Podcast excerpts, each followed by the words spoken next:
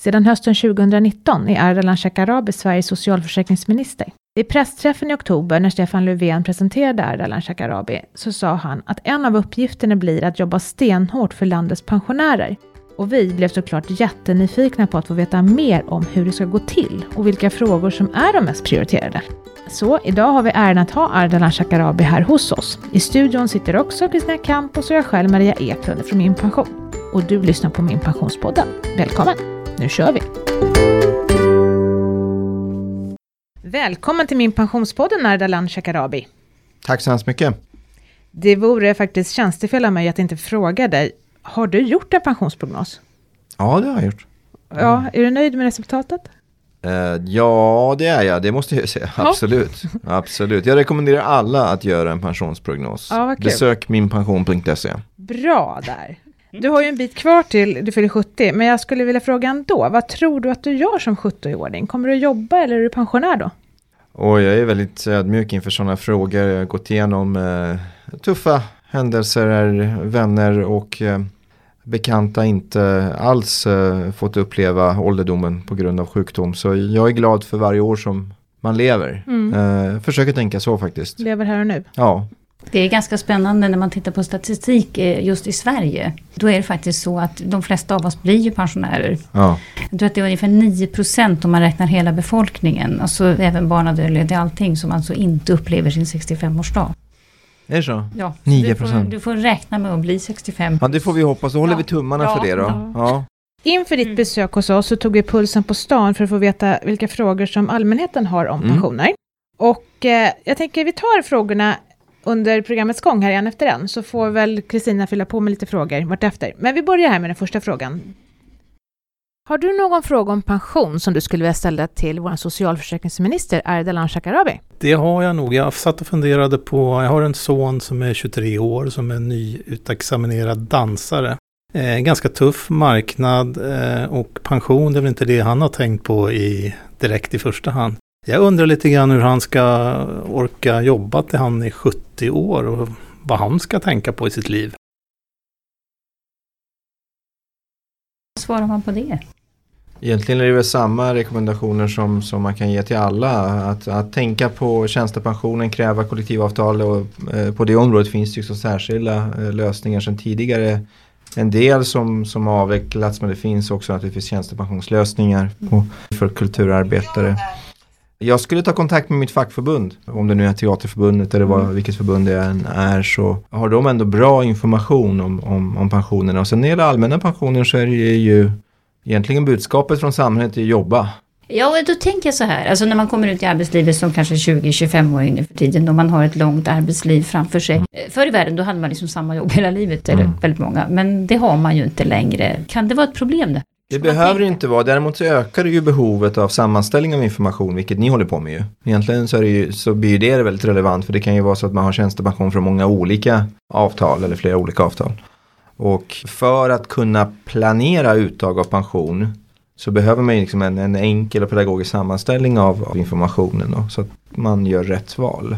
Men det kanske också kan vara aktuellt för att vidareutbilda sig någon gång i livet. Ja, sen har vi naturligtvis då mer den typen av frågor mm. som handlar om omställning. Och, och, det ställer, alltså, dagens arbetsliv ställer ju också höga krav på oss när det gäller omställning. Sen är det ju samhällets uppgift att erbjuda bra förutsättningar för omställning. Och det är ju faktiskt en del av pensionsöverenskommelsen ingår också januariavtalet att det ska vidtas ett antal åtgärder som underlättar för omställning i arbetslivet vid senare ålder också så att säga. Som till exempel vad då? Ja det handlar ju om eh, att öppna upp högre utbildning för människor mitt i livet, mitt i karriären. Det handlar om eh, finansieringsfrågorna, det handlar om arbetsgivares ansvar för omskolning och omställning. Det, det är rätt så många olika aspekter.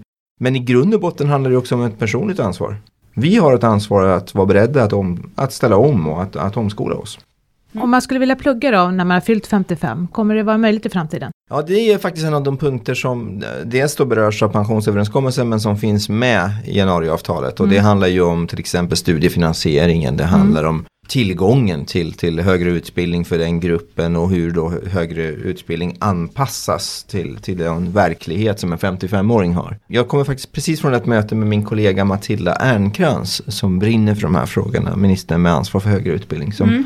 jobbar specifikt med, med faktiskt hur vi ska använda den här mandatperioden till att ta några steg som underlättar högre studier och andra typer av studier eh, senare i livet. Nu blev det ju jättespännande. Ja, mm, verkligen. Det här borde ni eh, bjuda hit och prata om. Faktiskt. Ja, okej. Okay. Ja. Du passade på den bollen. Ja. Ja. Nu kör vi nu fråga nummer två då. Jag är nu 62 år och börjar känna att man blir trött och därför undrar jag om jag på något sätt kan påverka min pension så att man kan gå tidigare än i 67 års ålder. Även där är ju svaret eh, deras tjänstepension.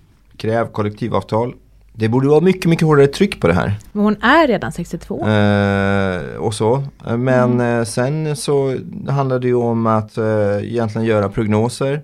Ta reda på också vilka förutsättningar det finns för att eh, ta ut tjänstepensionen under en begränsad period. Alltså komprimera då utbetalningarna. Och sen så har vi ett flexibelt pensionssystem. Problemet är ju att ju tidigare man tar ut pension desto lägre blir pensionen. Ja, då mm. undrar jag. För att jag menar, jag som är ute och träffar väldigt många människor. Den absolut vanligaste frågan är ändå, hur ska jag göra för att få gå tidigt i pension? Är vi för gnälliga här? Nej, det har att göra med eh, vilken typ av arbetsliv vi har. För en del människor är ju pensionen en befrielse. Mm. En möjlighet och för andra är pensionen ett hot för man vill fortsätta jobba. Ja men det kan ju också vara ett eh, ekonomiskt, att en, men, ett ekonomiskt problem. Det är ju faktiskt för många som ja, tycker absolut. att jag har inte råd att gå i pension. Absolut. Uh, och det är därför så, det är så viktigt för oss att jobba med höjningen av pensionerna. Alltså mm. så är det ju. Det är, pensionerna måste höjas i Sverige. Vi har för många med relativt låga löner så är pensionerna för låga. Mm. Det är faktiskt så. Mm. Vi kommer till det alldeles om en mm. stund. Men sen tänkte jag också fråga, för att jag hör ju också 60-plussare som tycker liksom att, ah, du vet på jobbet, man känner sig inte så behövd längre. Liksom, eh, alltså det här med åldersdiskriminering finns ju också. Mm. Det är klart att det inte är så kul att gå till jobbet då och känna att jag måste gå här fem år till fast ingen vill ha mig. Och det där är väl kanske vår, en av våra största utmaningar. Vi jobbar ju med delegationen för senior arbetskraft. Ja. Och det handlar om att förändra kulturen och se verkligen den enorma kompetens och erfarenhet som många äldre i, i arbetskraften besitter. Och eh, det krävs en kulturförändring i Sverige. Vi behöver en kulturrevolution skulle jag vilja säga men nästan, när de, det gäller arbetskraften. Inte, de brukar ju inte vara så lätta att genomföra. Jo men vi måste det. Vad har vi för alternativ? Ja, alltså, vi lever tips? längre och längre. Ja. Det är bra. Det ska vi ju verkligen vara glada över att medellivslängden ökar och att vi får eh, möjlighet att leva längre. Men då måste vi också ha ett annat, en annan typ av arbetsliv faktiskt. Ett arbetsliv som, som tar tillvara äldres kompetens och erfarenhet.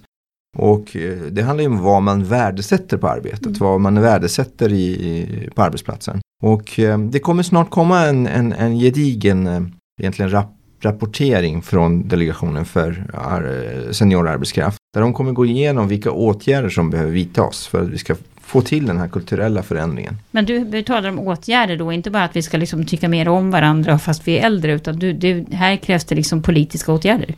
Eh, både och, alltså det krävs ju politiska åtgärder men det krävs också insatser från arbetsmarknadens parter och vi behöver jobba med opinionsbildning mm. och uh, mycket annat faktiskt. Det, det, här kräv, det är därför jag säger en kulturförändring. Det, det krävs liksom en, en riktig förändring av hur vi ser på, på människan. Mm. Många äldre vill ju också gärna eh, kanske jobba lite mindre. De kan tänka sig vara kvar några år på, på jobbet men mm. kanske inte fullt ut och så. Har du förståelse för de tankarna? Ja, och jag möter väldigt ofta. Nu har jag varit minister och med ansvar för de här frågorna i drygt fem månader. Och jag möter jättemånga människor som är lite äldre som kommer ihåg delpensionen mm. och pratar om delpension som någonting fantastiskt, nostalgiskt om delpension, att den möjligheten försvann, beklagar väldigt många människor. Det där är en fråga som, som finns där och som vi måste titta på. Hur möjliggör vi också i pensionssystemet och i våra andra mm. socialförsäkringar för människor att uh, faktiskt förlänga arbetslivet genom att få helt enkelt stöd i att gå ner i arbetsliv där man inte orkar jobba heltid. Så den möjligheten finns ju inte på det... samma sätt i dagens system ju som det Nej. gjorde tidigare. Men är det någonting du kan tänka dig? Att man skulle gå ner i arbetstid men blev inte av med hela lönen så att säga? Och samhället Det är ingen, ingen liksom reform som Nej. har beslutats eller som på gång. Men jag, jag, tycker att det är värt ändå att titta på erfarenheterna från den tidigare delpensionen som fanns. Eh, sen går det ju inte liksom att applicera de, den modellen på dagens situation och arbetsliv. Men men man kan ändå titta på vad, vad gav det för fördelar. För jag har mött många som säger att men jag, skulle, jag klarar inte det här längre. Alltså jag kan inte jobba 40 timmar i veckan. Men jag skulle kunna jobba 20 timmar i veckan. Men det skulle då alltså vara inom den allmänna pensionen? För att nu finns det ju, i tjänstepensionen finns det ju flexpensioner och sånt. Men du kan tänka dig i så fall att det skulle omfatta alla? Som sagt, det är ingen, det är ingen process som är igång. Nej. Men det är liksom i initiala fasen när vi överhuvudtaget tänker på vilka mm. frågor är relevanta att titta närmare på. Det är, en, det är en intressant fråga att titta på. Sen som du säger att, att i rätt så många avtalsområden så finns ju specifika lösningar i tjänstepensionen och så. Va? Ja men det är intressant, här kan det hända då förlänger, då förlänger vi ju arbetslivet ju. Ja. Och det, mm. menar, det måste ju vara Absolut. poängen, att, att försöka se till att människor får förutsättningar och stimulans att jobba längre. Mm. mm. Och liksom ett sätt är att höja pensionsåldern och det har ju liksom parterna kommit överens om att det ska göras. Men det finns ju andra sätt som handlar om att underlätta för ett längre arbetsliv. Både lite piska och morot här. Ja, just det. ja. Just det. Är vi redo för fråga ja. nummer tre? Mm. Alltså jag är ju kulturarbetare och jag har flera anställningar varav en är fast, en är 40% Men jag driver också eget så jag kommer liksom aldrig upp i några bra varken tjänstepensionssummor eller annat. Och, och, då är frågan hur ska jag få till en bra pension när jag har så många olika anställningar där mina pengar är så spridda. Ja, här har vi ju ett, ett ganska nytt fenomen och ett nytt ord på arbetsmarknaden, gig-ekonomi och gig-arbetare de som har lite anställningar här och lite projekt där och de ska ju också bli pensionärer så småningom. Men det ser ju lite jobbigt ut för just den gruppen. Men titta, nu är vi tillbaka i frågan om kollektivavtal. För att det spelar ingen roll hur många anställningar man har. Har man kollektivavtal på de anställningarna, ja då har man ju också intjänande av, av tjänstepension. Men har man inte det, ja det är klart att då förlorar man väldigt mycket.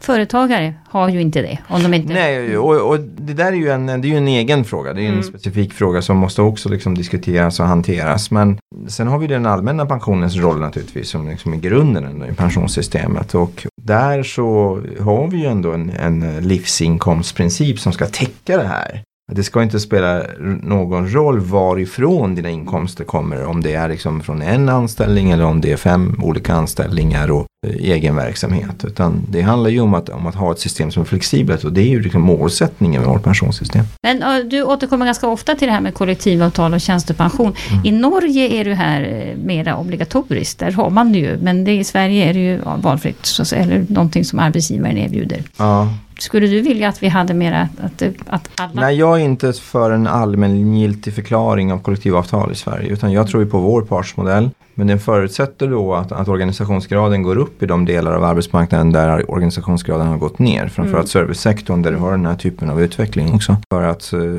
det är ju så att tjänstepensionen har allt större betydelse. Så att det, det, är viktigt att man har kollektivavtal för annars så förlorar man. Men är det här ett problem? Det är ett problem att de allmänna pensionerna är för låga. Ja. Det är ingen tvekan om ja. det. Absolut. Men när det gäller ekonomin en större grupp verkar det som, som faktiskt inte blir fast förankrade på arbetsmarknaden. Man, man blir hänvisad till den här typen av man säger, icke-anställningar. Kan politikerna göra någonting åt för att underlätta för den här gruppen? Ja, det är klart att politiken har ett ansvar, men sen är det framförallt då de fackliga organisationerna som har den viktigaste rollen här. Sen handlar det ju om att politiken måste ge de fackliga organisationerna rätt förutsättningar och, och försvara partsmodellen och så. Det är ju viktigt och sen eh, är det faktiskt så att i det program som, som partierna är överens om för den här mandatperioden, partierna inom ramen för januarisamarbetet, då står det ju att arbetsrätten ska reformeras. Men då finns det också en skrivning som specifikt berör den här gruppen, att deras anställningstrygghet ska också liksom bli mer likvärdig med eh, andra grupper som har mer fast anställning mm. så att mm. säga. Så där är en, en central fråga, men det är ingen enkel fråga. Det, det är rätt så stora utmaningar här. Men det ingår alltså i det här arbetet som man sitter och grundar över nu, så, mm. så finns alltså gig, mm. gigekonomin finns med som en det del Det finns där. en, en skrivning i januariavtalet ja. som specifikt berör de som har andra typer av anställningsformer än, än det som normalt varit då mest förekommande. Så att säga. Jag tänkte fråga en sak till också, för att när man, både den här unga dansaren som vi har hänvisat till och kulturarbetare och sånt, ibland så är det ju faktiskt så, det kanske man inte kan begära heller, att 23-25-åringar ska liksom känna att oh, jag måste tänka på min pension som jag ska få när jag är 70. Och man kanske inte har så mycket kunskap om den heller. Mm har vi ett ansvar här, eller politiska att vi är för dåliga på att informera, att vi kanske borde liksom... Fast samtidigt ska ju den allmänna pensionen vara så bra så att man inte ska behöva oroa sig för pensionen. Den ska finnas där ändå. Ja, det är ju liksom lite poängen med, ja. med vårt allmänna pensionssystem. Och det är därför det är olyckligt att det allmänna pensionssystemet är underfinansierat så att vi får för låga pensioner. Jag tror vi kommer till en fråga som kommer att beröra det här väldigt specifikt nu. Min mamma som har jobbat som tandsköterska inom landstinget i hela sitt liv, över 40 år, har marginellt högre pension än någon som inte har jobbat överhuvudtaget. Det tycker jag är fel. Vad tycker du? Jag håller ju helt med. Vi socialdemokrater gick till, till val på införandet av pensionstillägg för att just komma åt de här problemen ju. Och det fick vi med i avtalet nu. Så det ska genomföras nästa år. Så det är det vi ja, hur ska det se ut och vem vill beröra och berätta lite mer? att det blir, vi inför en pensionshöjning då för gruppen som har en allmän pension som ligger mellan 9 till 17 000 kronor i månaden med fokus på de som har 11 till 14 000 kronor i månaden i allmän pension. Och då räknar vi inte garantipension och, och så. Och då är tanken att de ska få då en, en höjning med eh, drygt 7 000 kronor per år. Den gruppen då, som har en allmän pension på 11 till, till 14 000. Och det, det jag menade med garantipensionen är att det ska inte påverka garantipensionen utan Nej, det ska vara okej. liksom ett pålägg. Och så. Okej. Mm. Men sen har du ju högre ambitioner än så också. Det finns ju ändå tal om, du, du återkommer till att pensionerna är för låga, att Mm. avgiften ska höjas och sådana här saker. När vill du få det att bli verklighet? Vi har tagit ställning för Ja. en höjning av avgiften, vi socialdemokrater. Mm. Och vi gick till val på det och vi, vi menar att avgiften bör ligga på 18,5 procent som var den ursprungliga tanken Mm. när pensionssystemet reformerades. Den blev ju lägre avgiften än det som var tänkt. Det är en teknisk förklaring Ja, varför men det blev ja, lägre, det Det hoppar har vi pratat om många gånger Ja. här. Men hur som helst, den ska upp. Och varför ska den upp? Jo, för att mer pengar in i pensionssystemet innebär högre pensioner. Och eh, vi kämpar för detta. Vi har inte fått med oss de borgerliga partierna än, men vi har fått med dem på att vi ska göra en översyn. Och pensionsgruppen är överens om att det ska göras en pensionsöversyn, pensionsavgiftsöversyn. Och det görs nu. Och finansieringen. Det till exempel är en av de frågor som man måste hantera. Vad, vad rör det som för summor? Vad, liksom, vad kostar en sån här reform? Det är ju den översynen vi gör faktiskt. Det kommer vi återkomma med när vi har en översyn av både liksom samhällsekonomiska effekterna och, och hur det påverkar pensionerna. Och, Men båda det här som du pratar om, dels den här 600 då, eller 7000 kronor mer i månaden och, och höjda avgifter. De pensioner vi har nu, den allmänna pension vi har nu, den bygger ju ändå på den här alltså, gemensamma synen i pensionsgruppen och överenskommelsen. Mm. Men nu är du ju ändå på väg och flaggar för att eh, ni tänker göra avsteg från det här. Låt säga då att du inte skulle få pensionsgruppen med dig på dina reformer. Vad gör ni då? När det gäller pensionstillägget som ska genomföras förra året, eller nästa år, det är, förra året säger jag, nästa år, 2021. Då finns det ju med i januariavtalet. Det ska genomföras. Ja, men och så ju... står det att det ska förankras med pensionsgruppen. Ja. Och där har vi ju haft då en dialog med partierna i pensionsgruppen och de har fått information och möjlighet att påverka konstruktionens detaljer. Men ingen har ju veto här, det är ju inte så det Nej, nej, utan- men det brukar ju vara så att man har konsensus. vi söker gärna konsensus. Ja. Det vore väldigt bra och vi har gett möjlighet till partierna att komma in med sina synpunkter och påverka och sådär. Men pensionerna ska höjas 2021. Vi gick till val på det. Det var en av våra prioriterade frågor i januariavtalsförhandlingarna och vi fick med det i januariavtalet. Och om de andra i pensionsgruppen då, eh, förutom då de som är med i januariavtalet, skulle tycka att det här var ingen jättebra idé, då struntar ni i det. Vi har ju ett avtal här som ska genomföras. Och i avtalet står det att den här pensionstillägget ska genomföras 2021. Sen när det är pensionsavgiften, Ja. ja. då hanteras det i pensionsgruppen. Mm. Och det är ju en del, översynen är ju en del av pensionsöverenskommelsen. Mm. Men du tycker att det här avtalet med, med höjningen nu, den har ingenting med, med samsynen i pensionsgruppen att göra? Vi söker gärna det, det är vår utgångspunkt. Det är därför vi har haft eh, en vilja att förankra detta. Det är därför vi har varit transparenta mot partierna i pensionsgruppen. Även de två partier som står utanför januariavtalet Mm. har då getts information och getts, eh, beretts möjlighet att påverka konstruktionens detaljer. Men du tycker inte att det är en, en, att göra ett avsteg från överenskommelsen?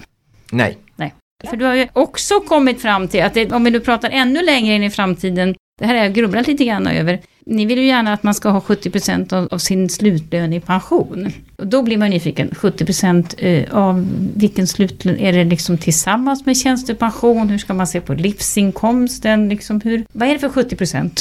det som har sagts är ju pension generellt. Då är det allmän och, och, Och tjän- ja. eh, och tjänstepension. Och slutlönen är ju också liksom en definitionsfråga Mm. och hur man definierar det. Men poängen är att pensionerna måste öka. Ja, för att är när vi liksom- gör, när vi Ja. på min pension så vi, gör vi ju då och då liksom små mätningar, Mm. temperaturmätare, vad de som har gjort prognoser, vad Mm. de kan räkna med att få i pension och då landar vi ju på 60 procent, Mm. lite drygt. Och då är ju upp till 70 procent är ju ganska mycket. Det är ganska mycket. Pensionsavgiften måste höjas. Ja. Och eh, pensionsåldern kommer höjas. Det Ja, påverkar ja. nivåerna på Mm. pensionerna.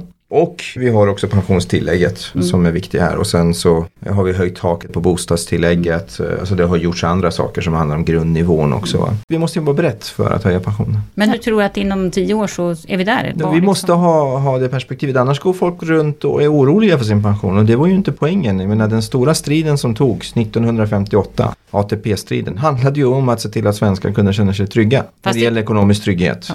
Om det då innebär, alltså om du tänker finansieringen, höjda arbetsgivaravgifter, eller vad, alltså att det i förlängningen innebär att ja, jag fick lite lägre lön på vägen till högre pension. Har man vunnit något då? När det gäller tjänstepensionen och, och, och så att säga, fördelningen mellan tjänstepension och lön så är det ju en fråga för parterna. Mm. Uh, och det är ju en väldigt relevant fråga i den här avtalsrörelsen. Nu mm. vet vi att de fackliga organisationerna har ett antal krav då, som bland annat rör uh, intjänande från mm. första dag och sådär. Och det är klart att det, ibland kan det uppstå situationer där det finns en konkurrens mellan då pensionsavsättningar och mm. löneutrymmet och, och så. Så det är ju liksom en aspekt som är relevant. Och sen när det gäller allmänna pensionen så har vi liksom löst finansiering på så sätt att arbetsgivaren står för en del och så står staten för den andra delen. Det är ju inte individen som betalar Nej. utan det är staten som, som tar den avgiften. Mm. Och sen får man naturligtvis andra skatteintäkter som man täcker detta med. Så där får man ju återkomma till liksom, när man har en, en, en, bredare fördjupning i frågan om, om avgifterna, hur detta ska finansieras. Men vi gör bedömningen att ska vi ha pensioner som, som är tillräckligt höga, då räcker det inte med den avgiftsnivå som vi har idag. Nej, och då får man helt enkelt skjuta till pengar från något annat. Ja, och då finns det olika lösningar självklart. Ja. Alltså. Kan du säga något mer om de lösningarna? Nej, men det, det, handlar ju om, eh, det finns ju olika sätt. Det handlar ju om individens beskattning, det handlar om arbetsgivaravgifter, det handlar om statens finansiering. Så det är lite olika konstruktioner som är tänkbara där självklart. Mm. Jag hade en fundering, om man höjer pensionsavgiften då idag till 18,5 procent, kommer det gynna dagens pensionärer också? Det där är också en levande fråga. Och eh, en av de fackliga organisationerna, Forena, har ju precis eh, egentligen introducerat idén om att man skulle kunna ha en modell där det också påverkar dagens pensionärer. Medan tidigare så har man diskuterat att det här ger effekt först om 20-30 år. Så det där är också en fråga som man behöver fördjupa sig i. Det finns liksom ingen enkelt svar på din fråga mm. utan det beror på hur man, vilken väg man väljer helt mm. enkelt. Gillar du Forenas förslag? Jag tycker det är intressant att det förs en mer aktiv debatt om pensionsfrågan. Ja. Jag noterar, alltså det senaste året egentligen, egentligen från valrörelsen 2018 framåt så börjar pensionsfrågan återigen bli en fråga som diskuteras politiskt. Och det är ju rimligt också, det har ju gått ändå två decennier sedan tre decennier till och med ja. Eh, snart sen, sen pensionsreformeringen. Då är det rimligt att pensionsfrågan kommer upp på dagordningen igen. Och så växer massor med olika idéer och så resulterar de här idéerna att vi får en debatt och så kan det politiska systemet landa i reformer. Men jag gillar inte att pensionsfrågan har liksom varit borta från den politiska dagordningen. Bara för att vi har en pensionsgrupp och ett samarbete så behöver vi liksom inte ha en utveckling där pensionsfrågan inte diskuteras politiskt utan det måste upp på dagordningen. Vad tycker vi? Vad tycker partierna? Vad tycker Socialdemokraterna? Vad tycker Moderaterna? Vad tycker Sverigedemokraterna? Vad tycker de fackliga organisationerna, arbetsgivarorganisationerna, andra aktörer? Vi behöver ha den här debatten. Det var ju så liksom ATP-frågan väcktes på 50-talet. Det var så pensionsreformeringen kom till under 90-talet. Debatt. Men det slutade med en folkomröstning och ganska mycket politisk strid. Ja. Eh, vill du ha det så igen? Det var ju inte målet. ATP-striden blev ju en strid för att man inte lyckades komma överens. Mm. Men det var ju inte målsättning från någon av parterna på 50-talet att det skulle resultera i en folkomröstning och en hård strid mm. som till slut krävde att en folkpartistisk ledamot skulle rösta med Socialdemokraterna Nej. för att det skulle bli en reformering. Men, och det är ju inte min ingång heller idag Nej. att vi ska liksom söka en strid. Nej. Men politik handlar ju om en presentation av idéer, opinionsbildning för de idéerna och i slutändan också förmågan att få igenom sina idéer. Så du menar, är det så att parterna inte kommer överens, ja, då blir det en politisk strid. Men det är ju inte säkert att vi hamnar där. Men att, att det skulle bli en valfråga? Valfråga blev det ju redan 2018 när det gäller pensionstillägget. Så vi är nog liksom i det läget att pensionsfrågorna kommer nog ta mer plats i valrörelser också. Det tror jag nog. Men jag har pluggat och utbildat mig massa år och nu efter 30 så har jag fått ett jobb. Men så gör man en prognos och ser man att det kanske inte ser så jättebra ut. Hur ser du på att, eh, ska inte utbildning premieras för pensionerna? Nu finns det undantag men generellt sett kan man säga att, att utbildning leder ju generellt sett till högre löner. Och högre löner leder till högre pensioner. Och dessutom har vi ett tjänstepensionssystem i Sverige som definitivt gynnar höginkomsttagare. Eftersom avsättningen över 40 000 kronor i månaden är, är, är betydligt högre än under 40 000.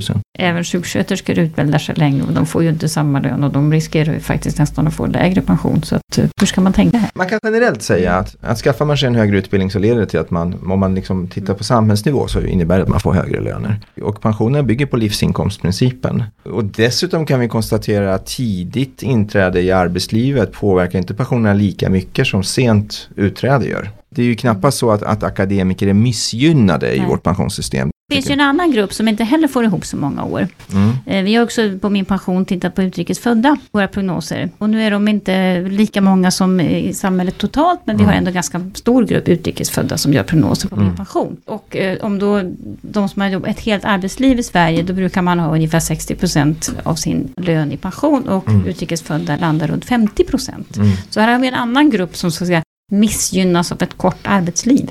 Ja, det är definitivt så. Jag blev faktiskt uppvaktad av en grupp som jobbar med den frågan här förra veckan. Och sen har vi ju en särlösning då med, med äldreförsörjningsstöd för mm. de som inte kommer upp då till, till en, en, en skälig levnadsnivå med hjälp av den del av garantipensionen som man har. Ja. Men det är uppenbart att det är en grupp mm. som är missgynnad i den här konstruktionen med krav på att man ska ha bott i Sverige i 40 år för att få rätt då till full garanti. Ja, fast även alltså om du kommer in hit, om låt säga att du kommer in som 30-35-åring, men du har inte pluggat de första fem utan du, ja. du har bott i ett annat land ja. där man då inte har pension. Eh, och så kanske du jobbar precis som vanligt. Alltså även mm. akademiker med kort, väldigt kort tid eller med en annan utbildning riskerar att få väldigt låg pension. Så generellt sett är du utrikesfödd har du alltså 10 procentenheter lägre kompensationsgrad. Vad ska man säga till dem? Vad är ditt råd till dem? Nej, det är ju det är egentligen allmänt. Det handlar ju om att höja pensionerna generellt sett. Mm. Eh, det handlar ju också, i det här fallet handlar det ju om grundnivån också. Det handlar till exempel om att eh, jobba med att se till att till exempel bostadstillägget hänger med boendekostnaderna. Det är ju en viktig sak för den gruppen och det gjorde det ju nu. Det gjordes ju en höjning med 1400 kronor i månaden då. Och den höjningen påverkar också människor som har bott i Sverige under kortare tid. Och. Men det, det, det, är värt att säga det. Det kommer kanske inte så ofta fram i debatten. Dessutom sprids det massor med myter som är åt andra hållet. Men det är värt att säga det att ja, dagens upplägg missgynnar den som kommer mitt i livet till Sverige och sen jobbar jättehårt. Spara är ju också en möjlighet. Och förut fanns det ju ett eh, gynnat sparande, ett avdragsgillt pensionssparande som kanske mm. då skulle till exempel om man nu har kommit sent i livet men har en schysst lön och för att så att säga komma ikapp och få en bra pension, att man kanske skulle behöva någon slags sparande. Hur ser du på det här? Det är naturligtvis en, eh, en viktig komplettering egentligen mm. till allmänna pensionen och, och tjänstepensionen. Men sen måste vi komma ihåg att fördelningspolitiskt är det så att förutsättningarna ser väldigt olika ut för att eh, privatspara till pensionen. Mm. För att människor med lägre inkomster har inte riktigt det utrymmet som höginkomsttagare har att lägga undan stora summor. Så det är viktigt också att se den orättvisan så att säga. Eh, så man kan liksom inte lösa pensionsfrågan genom att hänvisa människor till ett privat pensionssparande utan det allmänna pensionssystemet fyller en väldigt viktig funktion när det gäller tryggheten vid åldern. Så spara får man så att säga spara själv om man har möjlighet? Ja, det är en komplettering ja. kan man säga. Och det, det har ju naturligtvis ingenting emot det. Det är, ju, det, är ju, mm. det är ju viktigt och bra. Men jag säger bara att det är olika förutsättningar. Mm. Nu tar vi sista frågan.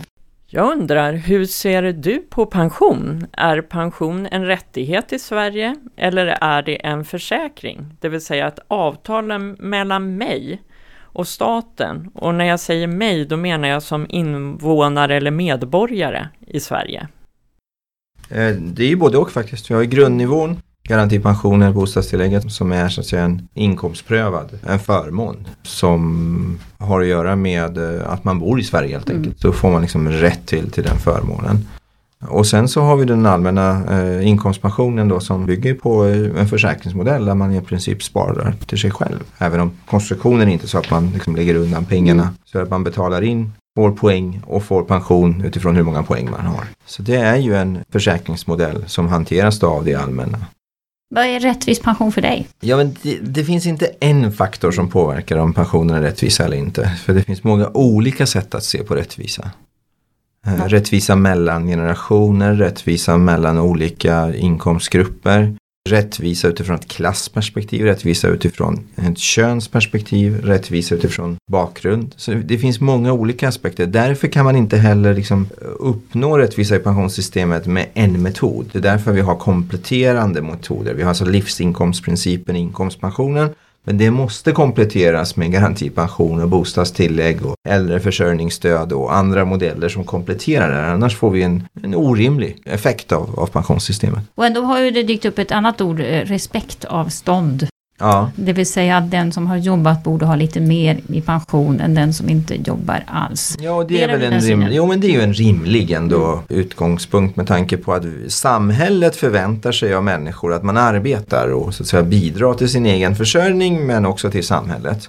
Och då är det rimligt också att pensionssystemet eh, har den utgångspunkten att eh, systemet främjar då arbete och därmed livsinkomster. Och idag kan man ju säga att respektavståndet är för litet. Alltså det är inte tillräckligt stor skillnad mellan den som har arbetat ett helt yrkesliv men som har haft låg lön och den som inte arbetat. Så därför så behöver pensionerna för de som arbetat ett helt yrkesliv med låga löner öka. Och det är därför vi drev frågan om då pensionstillägget. Tusen kronor i månaden, 2000 kronor? Vi har inte satt en sån. Men den här höjningen kommer ju handla om, om 600 kronor i mm. månaden.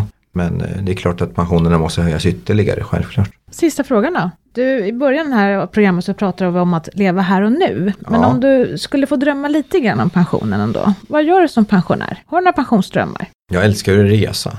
Mm. Så, mm, och det finns inte så mycket utrymme att, att resa privat i, i, det här, eh, i den här rollen. Så att jag skulle nog definitivt försöka eh, resa och läsa och eh, uppleva kultur. Jag saknar att gå på bio och på teater. Det gjorde jag ofta när jag hade lite mer tid än vad jag har idag.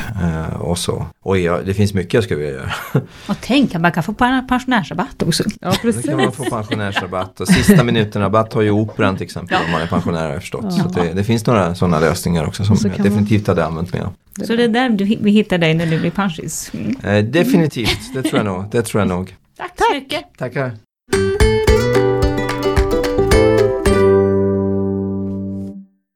Ja, dagens fråga. Vi har fått en fråga från en 37-åring med bra inkomst och bra bostad. Inom snar framtid finns planer på att skaffa barn också. Och 37-åringen har inte jobbat heltid i mer än tre och ett halvt år. Och när då den här personen gör en pensionsprognos så känns den dystert låg. I nuläget investerar han 40% av nettolönen i aktier och fonder för att ta till sin pension. Och nu undrar han hur mycket han borde spara till pensionen just nu. Är det fel att spara så här mycket pengar till slutet av livet när man är så pass ung? Vad tycker du Kristina?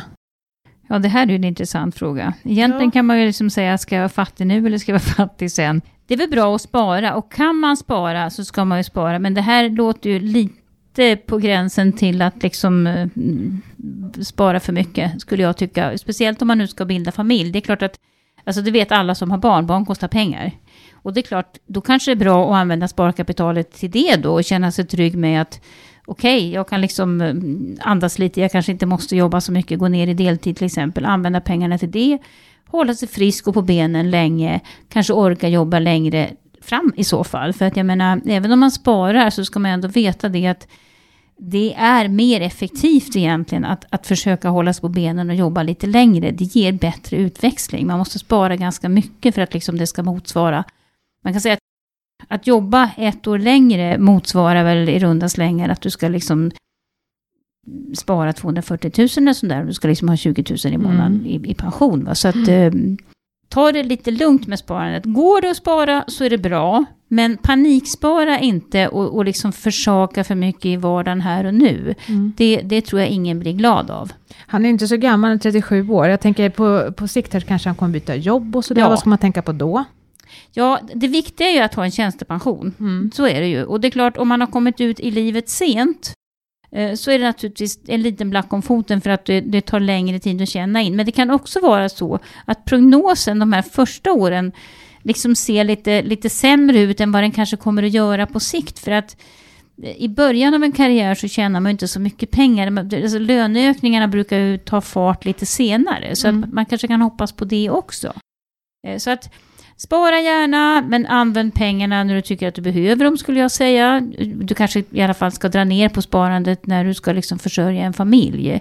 Och ha mera siktet inne på att försöka och, orka jobba många år. Och det kanske innebär att du inte ska jobba tok mycket nu, utan ta det lite lugnt och vara beredd på att jobba lite längre.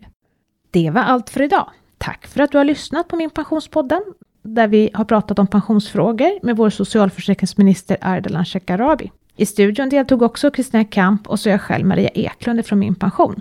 Och du har säkert koll på att Min Pension är en oberoende tjänst i samarbete mellan staten och pensionsbolagen. Fler avsnitt av Min Pensionspodden hittar du i kanaler där poddar finns. Och nya avsnitt släpper vi varannan fredag, så håll utkik. Och så blir vi väldigt glada när våra lyssnare hör av sig till oss. Så om du har frågor eller idéer på saker som du tycker att vi ska ta upp så mejlar du dem till poddatminpension.se.